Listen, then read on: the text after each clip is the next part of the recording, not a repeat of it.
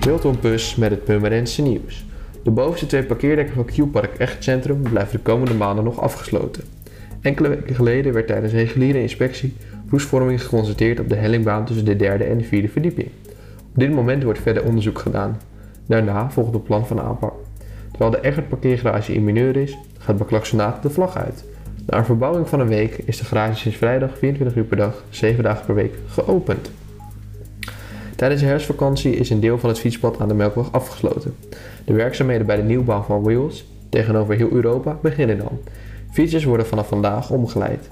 De omleiding die loopt via de Loirestraat, de Donaulaan, de Wolgalaan en Wales duurt tot ongeveer maart 2020.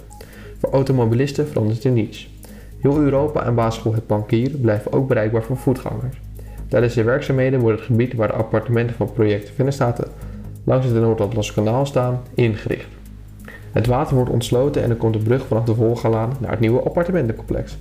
Verder worden parkeerplaatsen, trottoir en ondergrondse containers aangelegd.